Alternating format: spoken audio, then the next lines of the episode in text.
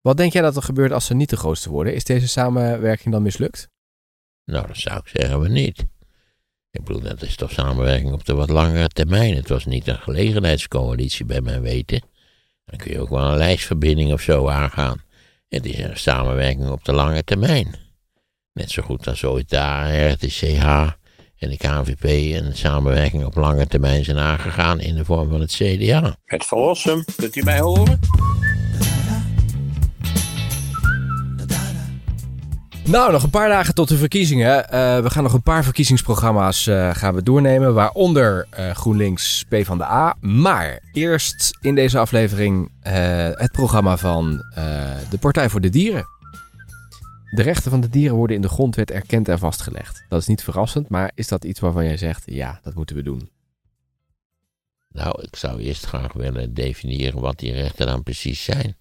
Zijn die vergelijkbaar met de mensenrechten? Eh, hoe gaat dat precies? Hoe, gaan we dat met de handhaving doen? Eh, dat zou ik ook allemaal erg graag willen weten. Het is wel een heel breed soort van formulering die zegt van ja, iedereen zegt ja natuurlijk, maar hoe dan? Ja, en wie komt erop voor de dieren als het, ja dat is dan zo'n partij, maar hoe ja, ga gaat dan iemand die zijn kat mishandelt, die, die, uh, hoe komen we erachter dat hij dat doet en hoe moet dat geregistreerd worden? En, ik bedoel, ik zie de helft van de tijd mensen met honden in het park dat ik ook denk, een meelijn met die hond heb. Hè? Wat zie je dan? Ja, dat ze allemaal aan die, aan die lijnen lopen te rukken en zo. en ja, dat Fido die wilde ze even fijn ergens aan ruiken en dat mag niet van de baasjes. Want die hebben haast, die willen door. Ja, precies, want die hebben zo, je ziet ze ook denken met die klote hond weer, dat klote eindje in het park. En neem toch geen dier als u vast van plan bent om het dan niet echt top voor te zorgen. Ja. Dit neem sowieso geen huisdieren niet waar, die, die meer zijn dan, dan honden en katten. Die zijn er al, al eeuwen gewend. En dan nog hoort hij daar behoorlijk voor te zorgen. Maar geen hamsters, konijnen, cavia's, eh, jonge aapjes, eh, leguanen. Hou ermee op. Het kan allemaal helemaal niet. Dit vind ik ook een interessant hoe je dit gaat doen. Alle relevante besluiten van het kabinet moeten worden getoetst op de invloed op de belangen van dieren. Ja, zou dat. Uh, kijk, ja, voor mijn gevoel is het zo dat de dierenpartij steeds gegroeid is in de loop der jaren. Ze zijn volgens mij begonnen met twee Kamerleden of zo. Maar wat heeft dat nou voor invloed gehad? Is, is, is de Nederlandse agrarische industrie minder geworden? Leiden de koeien minder in de slachthuizen? Naar mijn, voor zover ik er iets van weet en ooit iets over heb gelezen, nee. Het toezicht is matig tot afwezig, begreep ik. Nee, 16% van de slachten gaat fout dus het beest is niet dood of verschrikkelijk toegetakeld of weet ik veel wat. Nee, dus ja, dan, dan moet je toch, ook dat zou je toch dan heel anders moeten aanpakken. En eh, ja, dat je dat, je dat eh, stroomlijnt en dat je veel meer let op het lot van het dier. Maar dat betekent voor hetzelfde geld dat natuurlijk het vlees van die dieren ook beduidend veel duurder zal worden. Ja. Ik weet ook niet, we slachten in Nederland 14 miljoen varkens per jaar of zoiets in die geest. Wat moet je daaraan doen? Ja, ophouden met varkensvlees eten. Dat hebben wij trouwens gedaan. Maar... Transportwagens met dieren die krijgen een GPS-volgsysteem, ongeacht de lengte van het transport. Wat zouden ze daarmee willen beoogsten? Ja, dat je kunt zien waar die nou naartoe... Ja, die transporten zijn verschrikkelijk.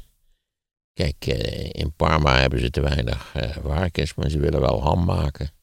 En zodoende worden Nederlandse varkens, die worden in grote vrachtauto's naar Parma gereden om dan, om dan in ham verwerkt te worden. En die ham die wordt dan weer teruggestuurd naar Nederland. Ja.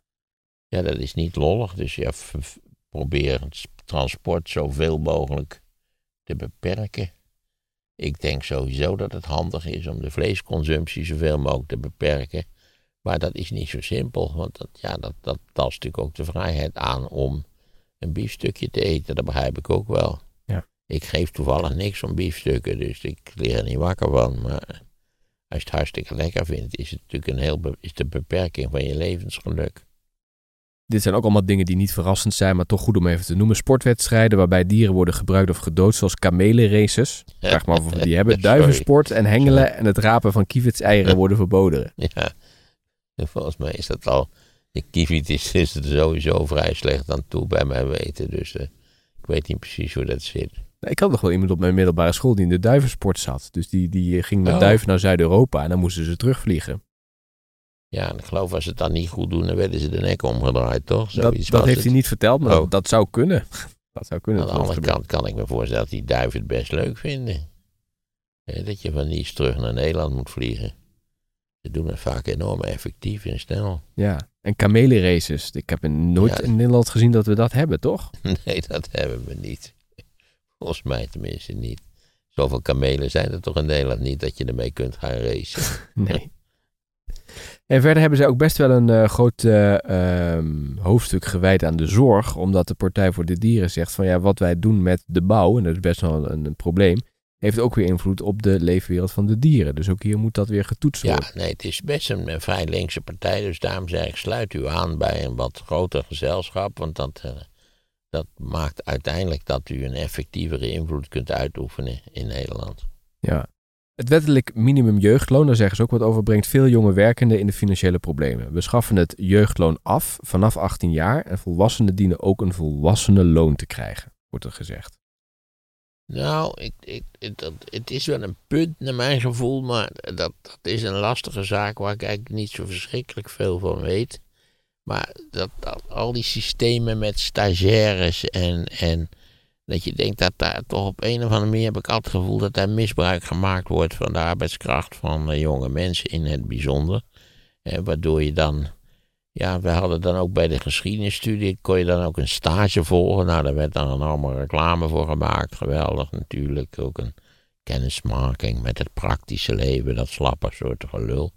En dan vroeg ik wel eens als ze dan terugkwamen, en hoe was de stage? Nou, ze hadden enorm veel koffie gezet voor het eh, kantoorpersoneel.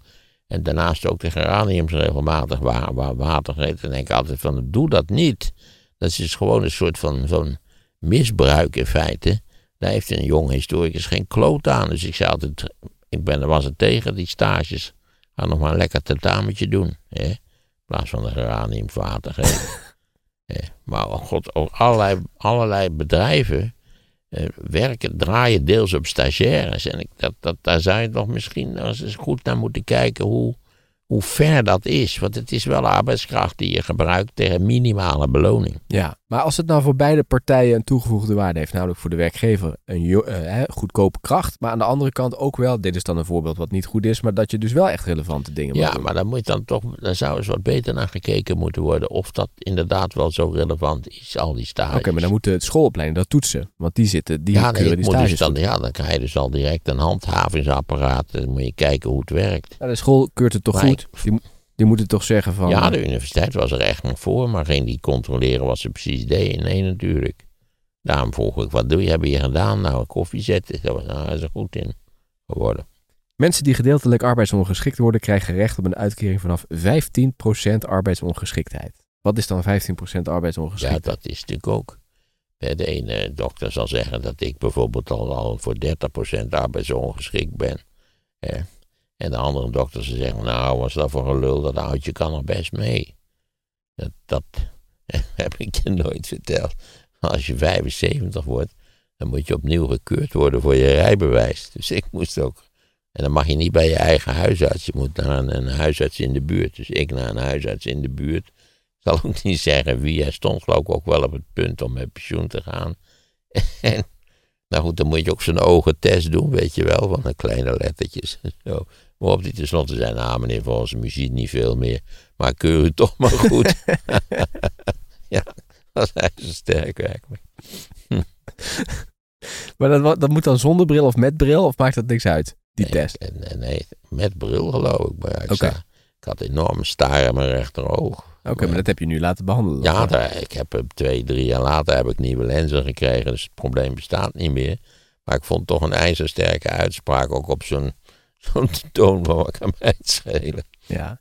Maar moet je dat nu nog steeds doen? Als je dus, eh, heb je nu dat recent ook nog moeten doen, zo'n toets? Ik weet niet, nee, want volgens mij krijg je dan bij 75 voor 10 jaar een rijbewijs. Ik zou eens even moeten kijken. Ah, Ik- oké. Daar zie je al aan dat ik er totaal geen verstand van heb. En ik denk dat je dan op je 85ste weer gekeurd moet worden, dat denk ik. Ja. Maar op mijn ogen zag ik niet afgekeurd worden. En hier ook nog een punt waar we het ook bij in het programma van Volt over hebben gehad. Uh, Partij voor de Dieren wil mensen met hoge schulden beter en sneller helpen. Schuldhulp bereikt nu nog veel te weinig mensen. Het moet makkelijker worden om hulp te vragen. En we maken schuldtrajecten korter, zodat mensen sneller verder kunnen met hun leven. Dat ja, bovendien. Daar ben ik enorm voor. Ja. Dat lijkt me enorm nuttig en verstandig. Ja, maar wat was ook weer bij Volt wat ze gingen doen? Daar, uh, want daar was je wel kritisch op, hè? Wat jij zei dat dat werkt. Nou, ze gingen half schulden gingen ze verkwijtschelden, dat was het, ja, ja. Ja, toen dacht ik meteen, groot, wat kan ik eens? Waar kan ik nou zo'n schuldje opbouwen? Ja, dan werkte het in de hand, zei je eigenlijk meer. Van, uh, ja, ja, ja. Oké, dan nog even kijken naar wat punten over de uh, zorg. Mensen die binnen een straal van 2 kilometer van een bedrijf met geiten wonen, krijgen vaker longontstekingen. Dit gaat om 1,7 miljoen mensen. Dit is al meer dan 10 jaar bekend. Toch vinden er nog steeds uh, staluitbreidingen plaats en worden zelfs nieuwe geitenstallen gebouwd. Er komt dan ook een landelijk verbod op de uitbreiding en de nieuwe vestigingen van geitenbedrijven.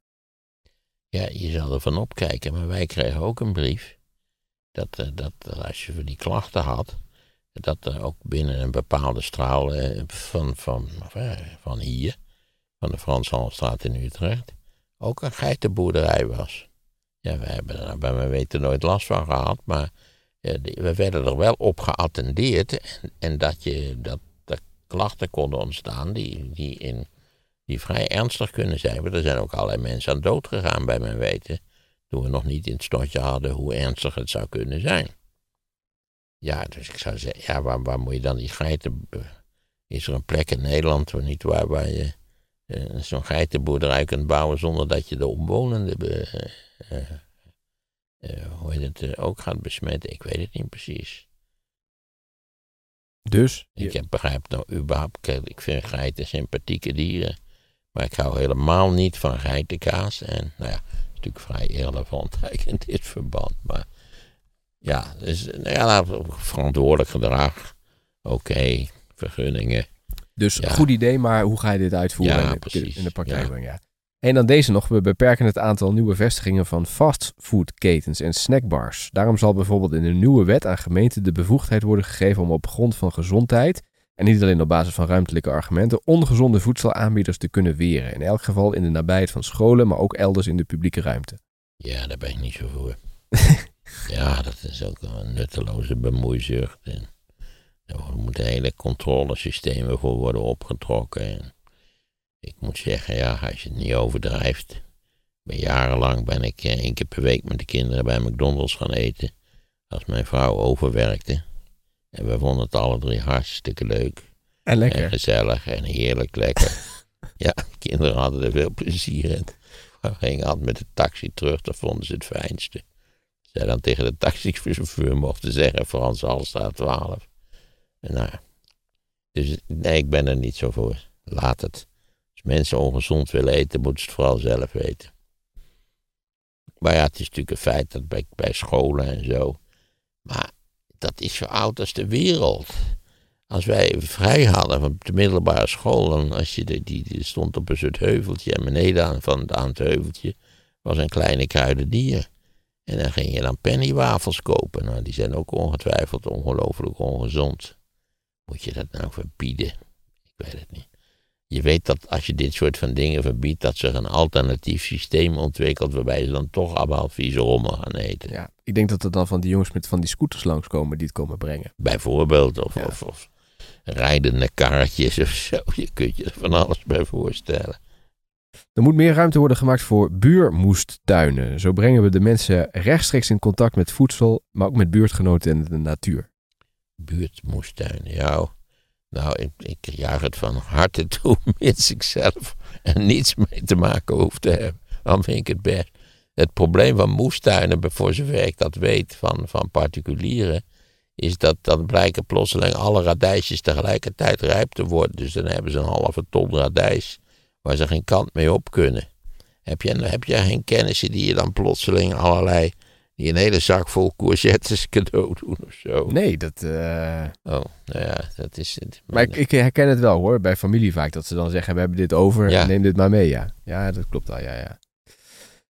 Nou, eens even kijken, nog één punt dan eruit te halen. Eh, dat is ook weer rondom dat woonthema wat we net al noemden. Ja, dit is misschien wel interessant voor jou. Meer generatiewonen wordt aangemoedigd en een substantieel onderdeel van de nieuwbouw wordt hiervoor besteed. Net als voor andere type woningen, waarbij wonen en zorg gecombineerd kunnen worden. Ja, dat zijn die combis met studenten en bejaarden. Ja, of dat je met je zoon of dochter in een huis gaat wonen en met je kleinkinderen, dat ze voor je kunnen zorgen. Ja, dat is een beetje een, eh, traditionele oplossing. Ik weet niet of mijn zoon en dochter eh, of de kleinkinderen daarvoor staan te dansen, eerlijk gezegd. Maar zou jij het leuk vinden? Nou, hoezeer ik ook dol ben op mijn kinderen en mijn kleinkinderen, zou ik het toch, als ze in dat huis samen met mij zouden wonen, zou ik het toch wel een aanslag op mijn privacy vinden, ja. Ook als je straks meer eh, zorg nodig hebt. Ja, dan, dan, dat zou kunnen dat ik die nodig heb, dat wij dat samen nodig hebben. Maar dan hoop ik toch een soort van appartement te huren met ingebouwde zorg. Oké. Dat zal waarschijnlijk nog een heel probleem zijn, omdat natuurlijk het aantal bejaarden in Nederland sterk toeneemt. Dus en ik weet helemaal niet hoeveel, of die sector behoorlijk georganiseerd is. En dan Ik heb, komt... nooit, ik heb het nooit geprobeerd, zou ik maar zeggen. Nee. Het woordje bestaanszekerheid komt hier ook voor in dit punt. Niemand hoeft op straat te slapen, zegt de Partij voor de Dieren. Dakloosheid is de meest extreme vorm van sociale uitsluiting die zorgt voor bestaansonzekerheid. Onnodige bureaucratie die de hulp aan daklozen belemmert, zoals het zelfredzaamheidscriterium, wordt afgeschaft. En in elke gemeente komen voldoende gratis slaapplaatsen. Ja, daar ben ik het 100% mee eens. En bij slecht weer en kou mag een huisdier, nooit, een huisdier dus nooit een weigeringsgrond vormen voor de opvang van een dakloze. Oké, ja, dat die, dat die zelf een huisdier bij zich heeft. Ja, dat je dus met je kat komt en dan zeggen, ja, Ja. die vieze kat komt er niet in, maar jij mag wel naar binnen. Oké, maar god, zou je veel daklozen hebben die een kat hebben? Dat is een goede. Nou ja, wel honden zie je regelmatig. Ja, dat zie je wel. Ja. Ik wel een soort van compaan dan onder die. Ja. Maar dat, dat je in, in landen, ook als Nederland, want dat zei die Cody ook, eh, dat, dat er in Nederland eigenlijk praktisch, dat officieel hebben wij 30.000 daklozen, maar de werkelijkheid is dat er waarschijnlijk wel tegen de 100.000 daklozen zijn. Dat we dat überhaupt hebben in Nederland, in dit brave, lieve dorp, wat zo graag op zichzelf wil staan, vind ik een diep treurige zaak, ja. Vooral natuurlijk omdat in mijn jeugd bestonden er geen daklozen, dat bestond niet. Nee. Ja, misschien had je zwervers, dat weet ik niet. Maar daklozen had je niet. Hoe kan nou in een straatarm Nederland, niet waar van 1954, ik noem maar wat op, zijn geen daklozen. We zijn zeven keer zo rijk geworden sinds die tijd en nu hebben we honderdduizend daklozen. Dan is het toch ergens iets fundamenteel mis met de maatschappelijke organisatie. En dat we dat ook kennelijk laten bestaan, of dat we dat eigenlijk heel. eh, ja, nou ja, ik, ik moet zeggen dat ja, dat is een niet geadresseerd probleem, maar het is wel een raar probleem. Ja. Sowieso is dat, zijn er allerlei problemen die je nou juist in een schatrijke samenleving niet zou verwachten, maar die er wel zijn. Mm. Dat vind ik vreemd. Daar zou je misschien eens een, een soort al, een algemene studie aan moeten wijten. Wij, ja, wijden, sorry. Dit was het eh, programma van de Partij voor de Dieren. Er is nog een vraag echt van meerdere kanten en dat eh, hebben we nog niet gedaan inderdaad. Of we nog het verkiezingsprogramma van GroenLinks PvdA nog een keer eh, op Ja, hoofdlijnen ik heb het net doorgelopen. Oké, nou. nou, dan kun je al wat punten eruit halen die je nog... Ja, het is allemaal, allemaal heel eh, opgewekte retoriek. Even de... Dat ze het onderwijs, daar gaan ze van alles en nog wat aan doen. En dat gaan ze doen door de onderwijzers beter te betalen en betere werkcondities te bieden en minder administratie. Nou ja, allemaal voor de hand liggende dingen, maar nergens wordt uitgelegd waar je die onderwijzers vandaan gaat halen. Hè? Het is natuurlijk vrij duidelijk dat er schijnen in Nederland ruim voldoende mensen geschoold te zijn in het onderwijs geven. Maar ja, die komen geen onderwijs geven, omdat de condities eh, natuurlijk al jaren en jaren moeizaam zijn. Ja. Nou ja, dat is ook zo'n punt, ja, dat is mijn bezwaar tegen wat al die partijen te melden hebben. Dat allerlei opgewekte retoriek is van wat er niet allemaal gaat veranderen en wat ze allemaal niet beter gaan doen. Maar eh, er wordt nooit uitgelegd hoe. Ja. En bovendien, dat is dan een tweede punt. Ook de PvdA had zich daar drukker over moeten maken. Leg nou eens uit waarom het misgegaan is. Wat Ja. zijn de oorzaken daarvan? Hoe het mogelijk is dat de PvdA zijn eigen beginselen verraden heeft in Rutte 2. Hoe, hoe komt dat? Waar komt dat vandaan? Nou, dat zou ik graag, en dat geldt dus voor alle partijen. Legt u eens uit, nietwaar, Wat u klaarblijkelijk fout hebt gedaan in de afgelopen 20 jaar of 30 jaar. Je kunt eh, het programma lezen en ze hebben, ze hebben het op hun site per thema hebben ze het eigenlijk. eh, ja, ik heb het gezien, ja. ja. Wonen weer betaalbaar. Laat ik dat thema dan er even uithalen. Omdat Ja, ook heel zoiets wonen weer, weer betaalbaar. Maximale huurprijs voor alle huurwoningen, zeggen zij. En meer sociale huur voor mensen. Nou ja, kijk wat je fout hebt gedaan met, het, laten we zeggen, die woningbouwverenigingen. En probeer die fouten terug te draaien. Want het is, kijk, je kunt nu incidentele maatregelen nemen. Maar het gaat erom dat de boel structureel verpest is. Dus dat je, de boel, dat je die structurele, niet waar, die ver, ver- verloedering, dat je die terug moet draaien. En Timmermans had En dat heeft te- weer te maken met de vermarkting van.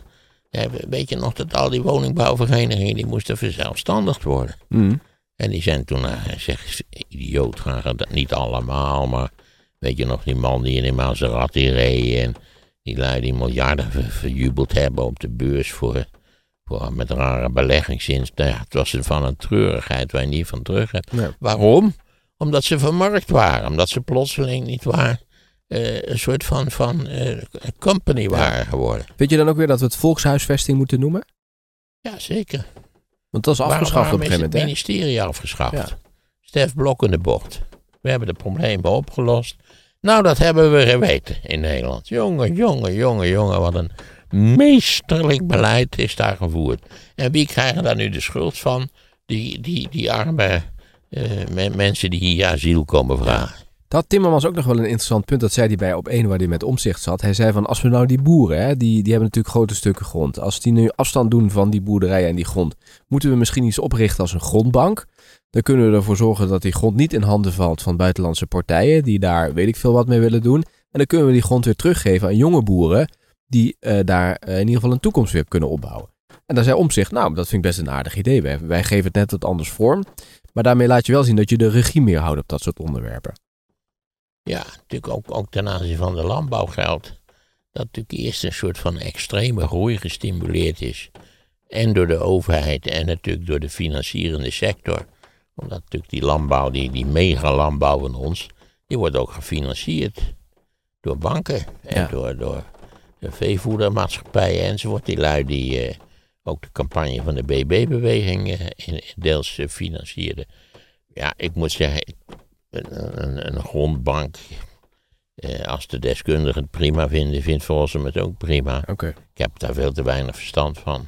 Ja. Dus ze schrijven hier, we, eh, optimaal grondgebruik. We versnellen de bouw met grond in publieke handen. Geen, of sorry, gaan leegstand tegen en schrappen de ehm, kostendelersnorm. Nou ja, je kunt wel zeggen, we gaan bouwen. Eh, ook ook op, op gemeenschapsgronden. Dat is allemaal hartstikke lollig, maar dan krijg je natuurlijk al die beroepsprocedures die in Nederland mogelijk zijn.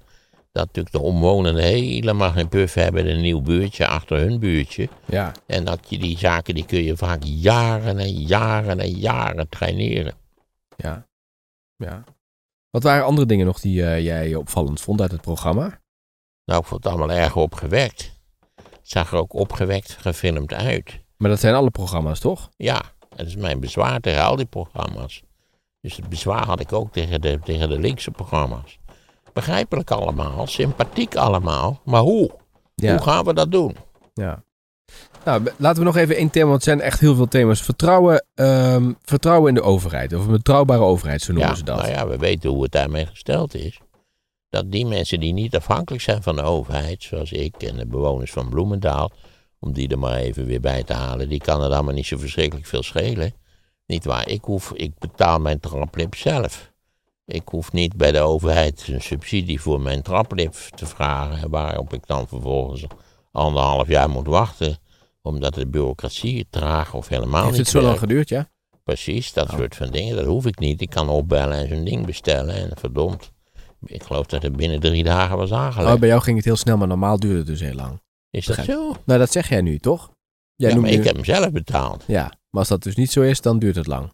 Ja, als je de gemeentelijke bureaucratie moet doen, dan kan het wel Ja, even duren, nee, helder, denk ik. Helder, oké. Weet ik niet, want ik heb het niet geprobeerd, maar ik denk dat dat wel zo is. Ik denk dat terecht op een reeks van terreinen het vertrouwen in de overheid zeer sterk verminderd is. Hm. Omdat de overheid zich op een reeks van terreinen natuurlijk zodanig heeft opgesteld dat je denkt, De overheid is helemaal niet geïnteresseerd in de burger. De overheid is geïnteresseerd in zichzelf. Hmm. En in zijn eigen mooie procedures, zodat het allemaal een stuk sneller kan, mits het maar gedigitaliseerd wordt. Ja, er zijn massa's mensen, oude mensen, die, die begrijpen daar geen pest van. Nee. Ik begrijp dat digitaal gehandicapten, daar heb je het over miljoenen mensen in Die Nederland. gewe- 2,5 miljoen mensen. Nou ja, kijk eens even, 2,5 miljoen mensen. Zorg er dan voor dat je apparaat ook voor die mensen mogelijkheden biedt. Ja. Dat lijkt mij toch redelijk. Ja. Toevallig had ik daar van de week een gesprek met iemand over van ASR. Is En dan, natuurlijk, ja, ik wil niet even over die toeslagenaffaire. Maar dat, dat, dat, is, dat hangt toch tegen het criminele aan. Ja, dat schrijven ze ook hier. Hè? Eén fout maakt nog, iemand nog geen crimineel. Dus daar Ja. moeten we ook vanaf, van dat soort dingen. Ja, daar moeten we nou echt vanaf, ja. Kijk, we gaan natuurlijk allemaal dingen tegenkomen waar jij denk ik best wel mee eens bent. Alleen je kritiek is op het programma Maak het, eh, maak het duidelijk. Herstel misstanden en de toeslagenaffaire en Groningen. Ja, precies. Meer kennis bij de Maar overheid. zelfs ook dat herstel, daar zijn we het toch wel over eens. Dat, dat gaat ongekend traag. Dat gaat allemaal jaren en jaren en jaren duren. Dit is ook nog wel een interessante. Een overheid die investeert in specialisten in haar eigen team is minder afhankelijk van experts van buitenaf. Door interne kennis te bundelen met ervaringen uit het eh, land zorgen we dat de regels beter passen bij de werkelijkheid. Ja, lees dat fameuze boekje van Cenk Willink. Hoe was het ook eh, groter denken, kleiner doen. Waar hij werkelijk een, een, een slothoofdstuk heeft waar de haren je te bergen reizen. Omdat de overheid al die expertise eruit geflikkerd heeft. Hè, bij Rijkswaterstaat, bij Staatsbosbeheer, allemaal. De Belastingdienst. niet helemaal opgedoekt, maar uitgekleed en, en eh, de eigen broek ophouden enzovoort. Ook, ieder, ook allemaal prachtige voorbeelden. Draai je terug. Zorg dat het weer in orde komt. Zorg dat het functioneerde prima. Ja. Allerlei dingen in Nederland functioneerden prima tot we het zijn gaan vermarkten. Hmm. Dat is toch raar? Maar hier zit natuurlijk ook in, als je dit gaat doen, meer kennis bij de overheid, heb je minder eh, inhuur van buiten nodig. Dus ook minder eh, consultancykosten. Ja, dat denk ik dingen. wel, ja. Want je weet dat een consultant... Nou ja, dat was toch bij de Belastingdienst. Eerst hadden ze iedereen die er verstand van had, die hadden ze met een geweldige bonus met pensioen gestuurd. En toen hadden ze niemand meer die er verstand van had. En toen moesten die mensen weer terugkomen om tegen veel hogere vergoedingen te gaan vertellen wat ze vroeger gewoon als medewerker konden Ja. vertellen. Nou, dit zijn toch ook wel punten die Timmermans zou kunnen noemen. Ook dit, iedere regio telt. Is iets wat, wat BBB eigenlijk ook eh, heeft Ja, geagendeerd. want dat staat ook, dat staat ook natuurlijk uitgebreid in het programma van Omtzigt.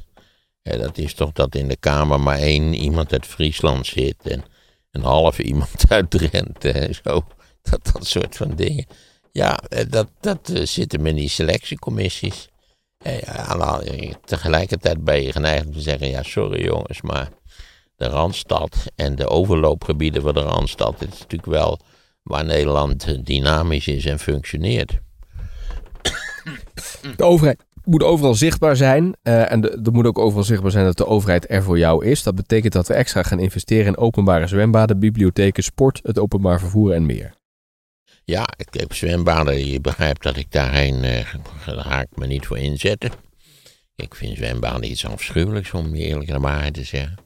Maar ik heb het nooit begrepen waarom er op het bibliotheekwezen zo omvangrijk bezuinigd is. Ook weer zoiets. Moesten we veel meer een eigen broek ophouden. Enzovoort, digitalisering misschien. digitalisering, weet ik veel. Maar goed, ook daar is, omdat die bibliotheken, vooral kleine bibliotheken platteland, een soort, soort centrale culturele functie hadden. Ja, dan moet je. dan- Maar dat werd dan ook allemaal weg. En denk aan al die, al die, die jeugdhonken en zo. Ja, denk aan al die asociale bezuinigingen die over ons heen gestroomd zijn in de afgelopen kwart eeuw. Burgerberaden, vind je dat een goed idee? Nee, Oké, dat willen zij dus ook. Hè? Burger moet meer inspraak hebben in beleid met burgerberaden. Nee, de burger heeft inspraak in beleid. De burger kan stemmen. Dat de burger beter zou moeten luisteren en beter zich daarvan bewust zou moeten zijn, is vers 2. Je begrijpt dat die burgerapparaten altijd weer volstromen met hetzelfde soort van mensen. Namelijk hoger opgeleide mensen, nietwaar, die ook, die ook in allerlei opzichten een parti hebben. Ja, maar je kunt natuurlijk zeggen, bij de verkiezingen gaat het over zoveel thema's. Met die burgerberaden kun je specifieker op een paar thema's inzoomen. En daaruit vragen hoe mensen denken. Ja, ik ben bang dat je ook natuurlijk. Ja, je treft daarmee met die burgerberaden en dan krijg je een heel bepaald soort van publiek. Ik heb dat wel eens gelezen over gemeentes. Ja, gemeentes als wij dus proberen om de burgers te betrekken bij het beleid. En het raakt ze niet direct, dan komt er een mens opdagen. Laat staan dat ze bereid zijn om er tijd in te steken. Ja. Maar zodra ze zelf geraakt worden, dus een nieuw buurtje achter hun buurtje, nou ja, maar dan dingen waar ze, waar ze een direct belang bij hebben, nou jee, dan staan ze allemaal vooraan.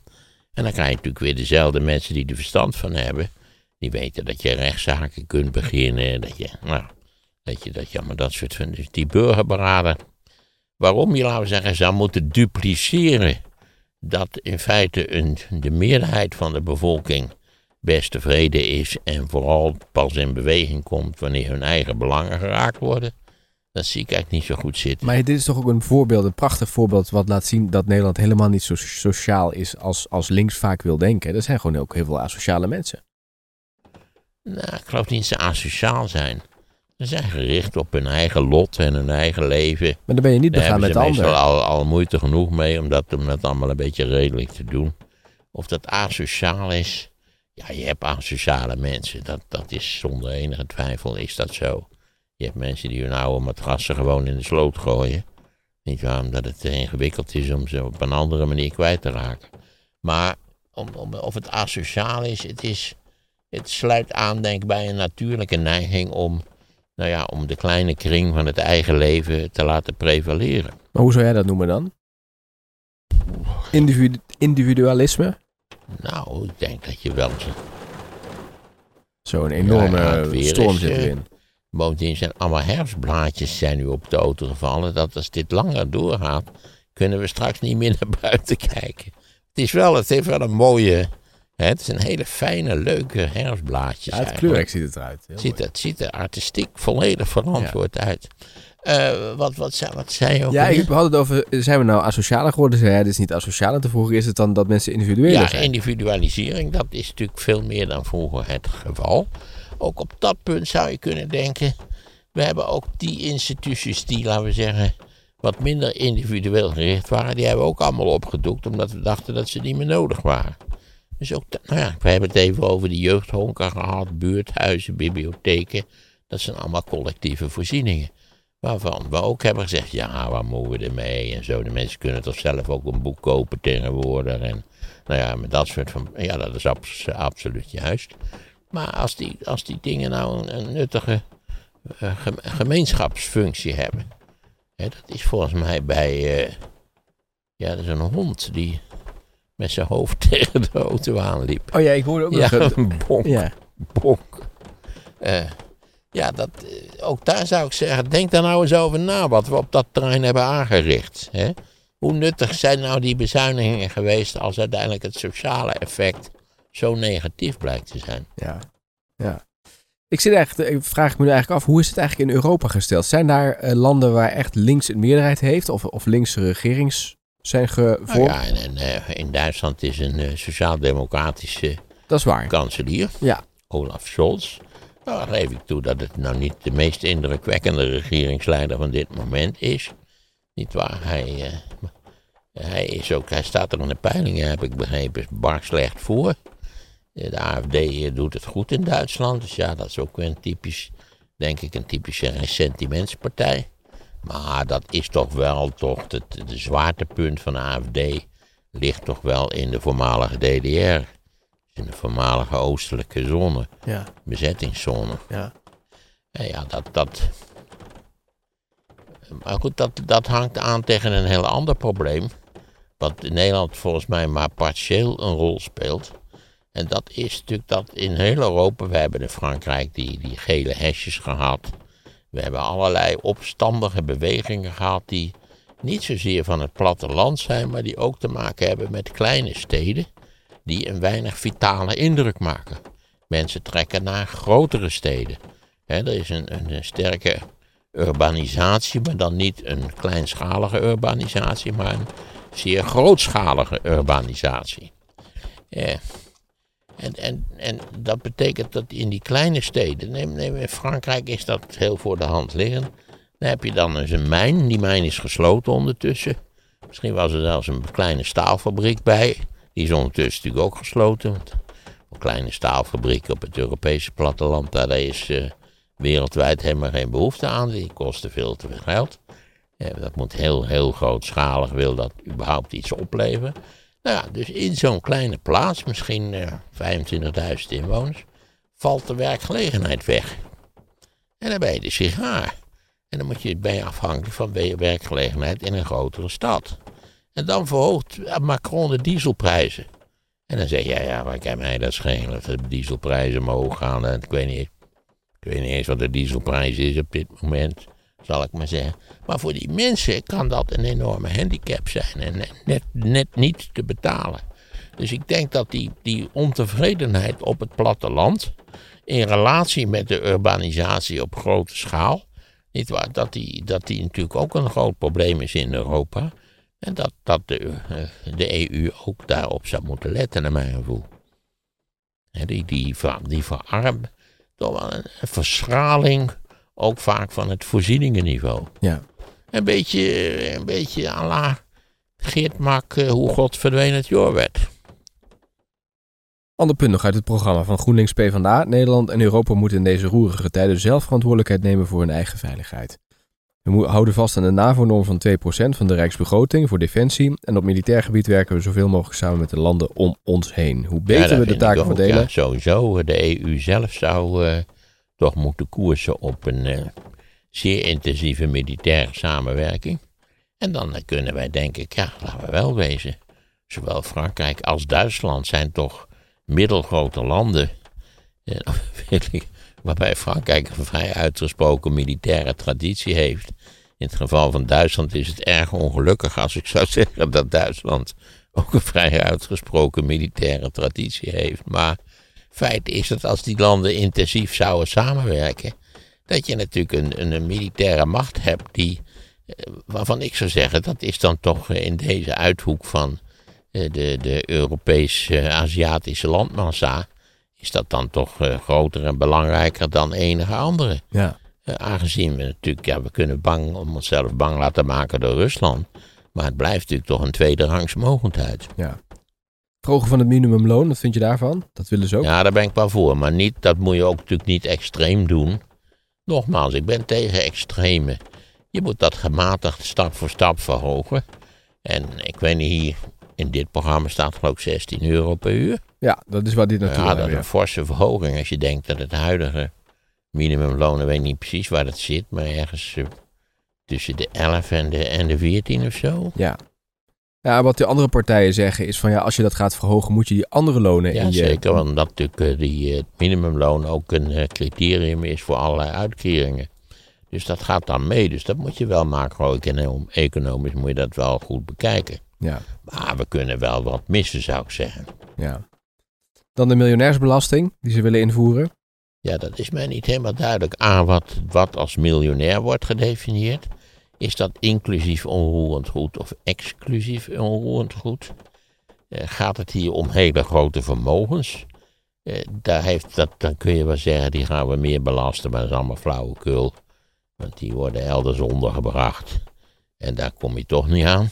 Ja. Dat kunnen we alleen maar of Europees wijd en liefst eigenlijk, hoe gek het ook klinkt, planetair aanpakken, omdat er altijd vluchthavens zijn voor geld. Ja.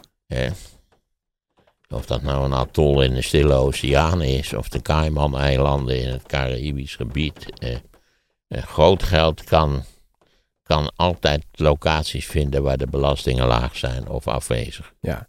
Dat werd ook wel een beetje gezegd van de plannen van, daar wordt Timmermans ook steeds op aangevallen, dat die dus slecht is voor die bedrijven, omdat hij die zo erg belast dat ze straks ergens anders zich gaan vestigen. Dus iemand riep al van, ja, het gaat te weinig over het vestigingsklimaat, waar we natuurlijk veel van onze welvaart aan te danken hebben, namelijk aan die bedrijven. Die ja, nou goed, dat is allemaal vrij simpel. Dat moet je dus in Europees verband doen.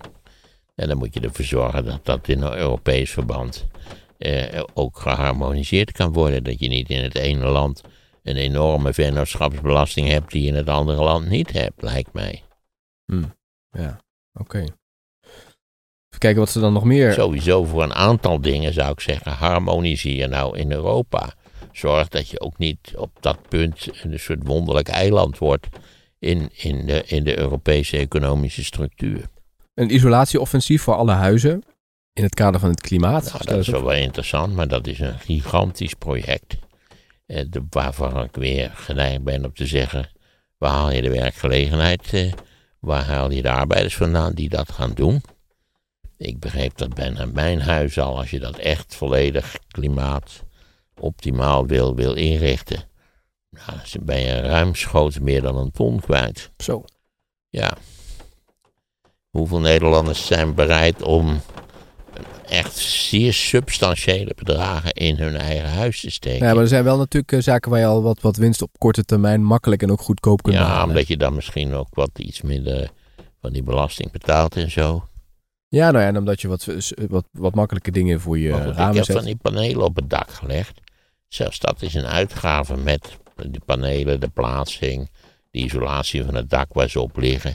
Wat voor veel Nederlanders denk ik, een, een- ja, zonder subsidie gaat hij daar niet aan beginnen, dat geloof ik niet. Nee. En dat is natuurlijk een megaproject, want van wie zijn die huizen dan? Hoe ga je dat regelen met, met, de- met de, de kosten? Sowieso moeten we natuurlijk, de, de wooncrisis moet er uiteindelijk toe leiden dat die absurde prijsstijging van Nederlandse woningen, dat het daarmee gebeurd is. Ze willen dus ook eh, een. ehm, de- ze willen de verhuurders willen ze verplichten zelfs om te isoleren. En als dat niet het gebeurt, dan heeft de huurder recht op een tochtkorting. Oké. Verplichten, ja, verplichten, dat lijkt me lastig te liggen. Want als je ze verplicht, dan moet je toch wel naar het inkomen kijken, nietwaar? Ja, je kunt iemand die, die van een kale kip is moeilijk veren plukken. Als die mensen het geld niet hebben, dan kun je ze wel verplichten om het te isoleren, maar dat kunnen ze dus niet betalen. Nee. Wat dan? Moeten ze dan verhuizen naar een, eh, een kippenhok wat vrijgekomen Maar is? dit is voor huurders, hè? Dus, dus de, oh, de, dit is voor huurders. de huurbaas moet dan eh, verplicht komen oh, isoleren. de, de verhuurder moet dat doen. Juist. En als, je, als hij het niet doet, krijgt degene die het huurt een tochtkorting. Dus dan betaalt hij minder huur. Nou ja, dan, ben, ja, dan zou je dat zo.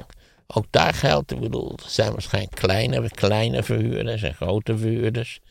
Ja, dat is allemaal afhankelijk van hoe je dat aan detail uitwerkt.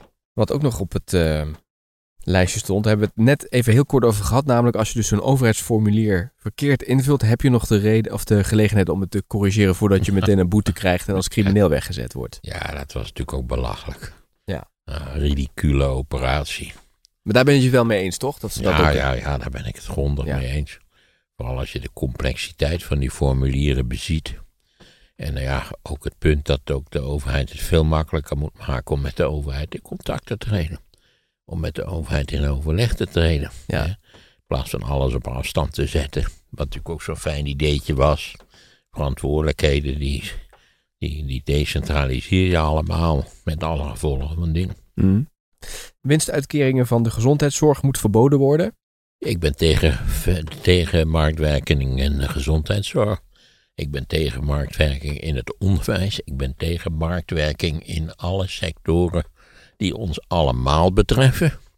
En die in feite collectieve voorzieningen zijn. Is dat ook het OV?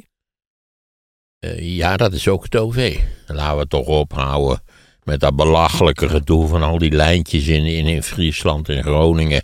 Niet waar, waar, waar buitenlandse maatschappijen dan eh, vergunningen voor hebben. Wat is dat voor onzin? Als de, ja, dat OV is een collectieve voorziening. Ook die busmaatschappijen die overal haltes opheffen op het platteland. Ja, niet alle busroutes zullen geld opleveren. Nee. En Dus ook daar zou ik zeggen, ook daar is marktwerking. Hè? Ja jongens, sorry, maar weinig passagiers. Hoezo die oudjes, daar hebben we niks mee te maken. Die lijn wordt opgeheven. Dat is toch belachelijk? ja. Dat, dat mensen niet, ook niet inzien hoe belachelijk dat is. ja. Hey, en eh, eh, kinderopvang, basisvoorziening, ben je het daar ook mee eens? Nou, dat, dat gaat, eh, dat weet ik eigenlijk niet. Daar moet ik eens over nadenken. Eh, de kinderopvang is, is retende duur. Dus ik weet niet hoe je dat wil eh, organiseren. Lang niet iedereen heeft kinderopvang nodig. Dat is nog een tweede punt. Ik weet het niet precies. Moet ik eens over denken. Maar wat mensen wel zeggen, daar hebben we het eerder ook kort over Alle gehad. kinderopvang gratis. Ook voor mensen die het prima zelf kunnen betalen. Nee, nee, nee, nee, nee. Dat lijkt me nou weer niet. Nou, ik denk dat het heel moeilijk wordt als je de, een soort van inkomen... Ja, je kunt een inkomenstoets gaan doen. Dat zou je natuurlijk wel kunnen doen. En dan kun je dan... dan Ik kan je verzekeren dat onze kinderopvang, die zich ondertussen dus in de jaren zeventig heeft afgespeeld, lang geleden, al verrekte duur was. Maar wij konden dat best zelf betalen. Ja. Maar het idee wat natuurlijk hierachter zit is ook van... eh, meer vrouwen gaan werken als je dit eh, aanbiedt. Ja, dat zou kunnen. Maar daar moet je toch wel heel goed over nadenken, vind ik. Ja, mijn vrouw werkt, die heeft ook altijd gewerkt. Dus ja, sterker nog, had het ook meer verdiend dan ik. Maar wij konden dus nogmaals, de kinderopvang was prijzig, maar wij konden dat wel betalen, ja. En of je dat nou gratis moet maken voor mensen die dat betalen kunnen, dat vind ik een lastig probleem. Ik, vind, ik, ik weet niet of kinderopvang een collectieve voorziening is. Oké. Het, het is niet iets waar noodzakelijkwijs iedereen gebruik van maakt. Nou ja, nogmaals, ik, ik, dit is een, eh, Een lastig punt. een dilemma. Ja. Als je het, maar als je het programma zo, zo leest, wat zijn nog meer punten waar je het niet mee eens bent? Heb je nog dingen gelezen die je kunt herinneren? Nee, Oké. het was allemaal even opgewekt. Ja, dat, god, het zijn verkiezingscampagnes. En, en mijn bezwaar tegen al, al die partijen, we hebben het dus allemaal successievelijk nagelopen, is steeds van ja, dat kunt u allemaal wel zeggen, maar hoe gaan we dat precies doen? In een land met zeer ernstige arbeidstekorten. In een land waar mensen helemaal geen zin hebben om veel meer kinderen te krijgen. Nee. In een land wat, eh, waar, waar immigranten in feite niet welkom zijn, althans volgens een aanzienlijk deel van de bevolking. Al wil ik nog wel eens cijfers zien hoe, die, hoe dat gebrek aan welkom eh, precies verdeeld is in de bevolking. Eh, omdat mensen natuurlijk bang worden gemaakt met getallen die niets te maken hebben met de werkelijkheid. De bekende, hoe heet het, immigranten-tsunami. Nee, er blijken heel veel mensen te zijn die natuurlijk niet als tsunami-achtig kunnen worden beschouwd. Er is natuurlijk een hoop eh, arbeidsmigratie. Er is een hoop kennismigratie. Dat zijn allemaal heel normale verschijnselen in een in toenemende mate verknoopte en complexe wereld. Als je naar dit programma ziet, hè, zie je dan, eh, heeft dan meer, is er meer GroenLinks inbreng of meer PvdA inbreng? Want PvdA zit meer op armoedebestrijding, GroenLinks meer op het klimaat. Ja, daar zat ook een hele groene paragraaf in natuurlijk. En, en hun, eh, wat ik daar las was dat, dat ze, nou ja, de groene kant dat, is, dat komt van GroenLinks. En de, en de bestaanszekerheid kant komt van de Partij van de Arbeid. Ja. Nou ja, die bestaanszekerheid is een issue. Het gekke is dat die al wat langer natuurlijk een sociaal-democratisch issue is. Maar dat dat feitelijk pas door omzicht is dat issue weer wakker gekust, om het maar even zo te zeggen. Terwijl Timmermans een column heeft En- geschreven waar hij het tien jaar geleden ook al over die Ja, bestaanszekerheid maar het gekke had. is, daarna hebben, zijn ze er weer mee opgehouden, vreemd genoeg. En dat is vooral een zaak die, nou, dat hebben we net besproken, aan de onderkant van de samenleving leeft natuurlijk, Ja. die bestaanszekerheid. Ja. Kijk, die van mij die is voorlopig niet in gevaar en volgens mij die van jou ook niet zo. Eh, dus ja, eh, dat, dat, daar maar aan die onderkant van de samenleving zijn dus plotselinge ver- veranderingen in prijsniveau, bijvoorbeeld inflatie, in energie. Dat kan rampzalige effecten hebben. Al bleken dus armoedecijfers voor Nederland comparatief heel erg gunstig te zijn. Hm. Maar dat was wel het geval omdat die armoede in Nederland ook door de overheid op een aantal punten gecompenseerd was. ja. Met name al die energietoeslagen. Maar je kunt dus niet zeggen van, oh, GroenLinks heeft hier meer inbreng gehad of PvdA, als je het zo zit Nee, voor, voor zover ik het kon zien, kun je niet zeggen, nou de ene partij domineert de andere of omgekeerd. Nee, dat geloof ik niet. Wat denk jij dat er gebeurt als ze niet de grootste worden? Is deze samenwerking dan mislukt? Nou, dat zou ik zeggen we niet. Ik bedoel, dat is toch samenwerking op de wat langere termijn. Het was niet een gelegenheidscoalitie bij mijn weten. Dan kun je ook wel een lijstverbinding of zo aangaan. Het is een samenwerking op de lange termijn. Net zo goed als ooit de AR, de CH en de KVP een samenwerking op lange termijn zijn aangegaan in de vorm van het CDA. Dat dat tenslotte ook wel afgetakeld is, is vers 2. Ja. Maar je kunt natuurlijk wel Kijk, we zeggen... zitten in, in, in, in de meeste moderne westerse democratieën met een enorm probleem, namelijk de volatiliteit van het, van het electoraat. Hm. Dat ze van de ene verkiezing naar de andere rondwaaien, nietwaar, alsof het herfstblad is. Ja. Maar ik denk dat de partij wel denkt, als we niet de grootste worden... en misschien ook helemaal niet gaan meedoen in een regering... ja, wat voor zin heeft het dan gehad om deze verbinding aan te Dan gaan? zit je in de oppositie dan kun je heel nuttige dingen doen in principe.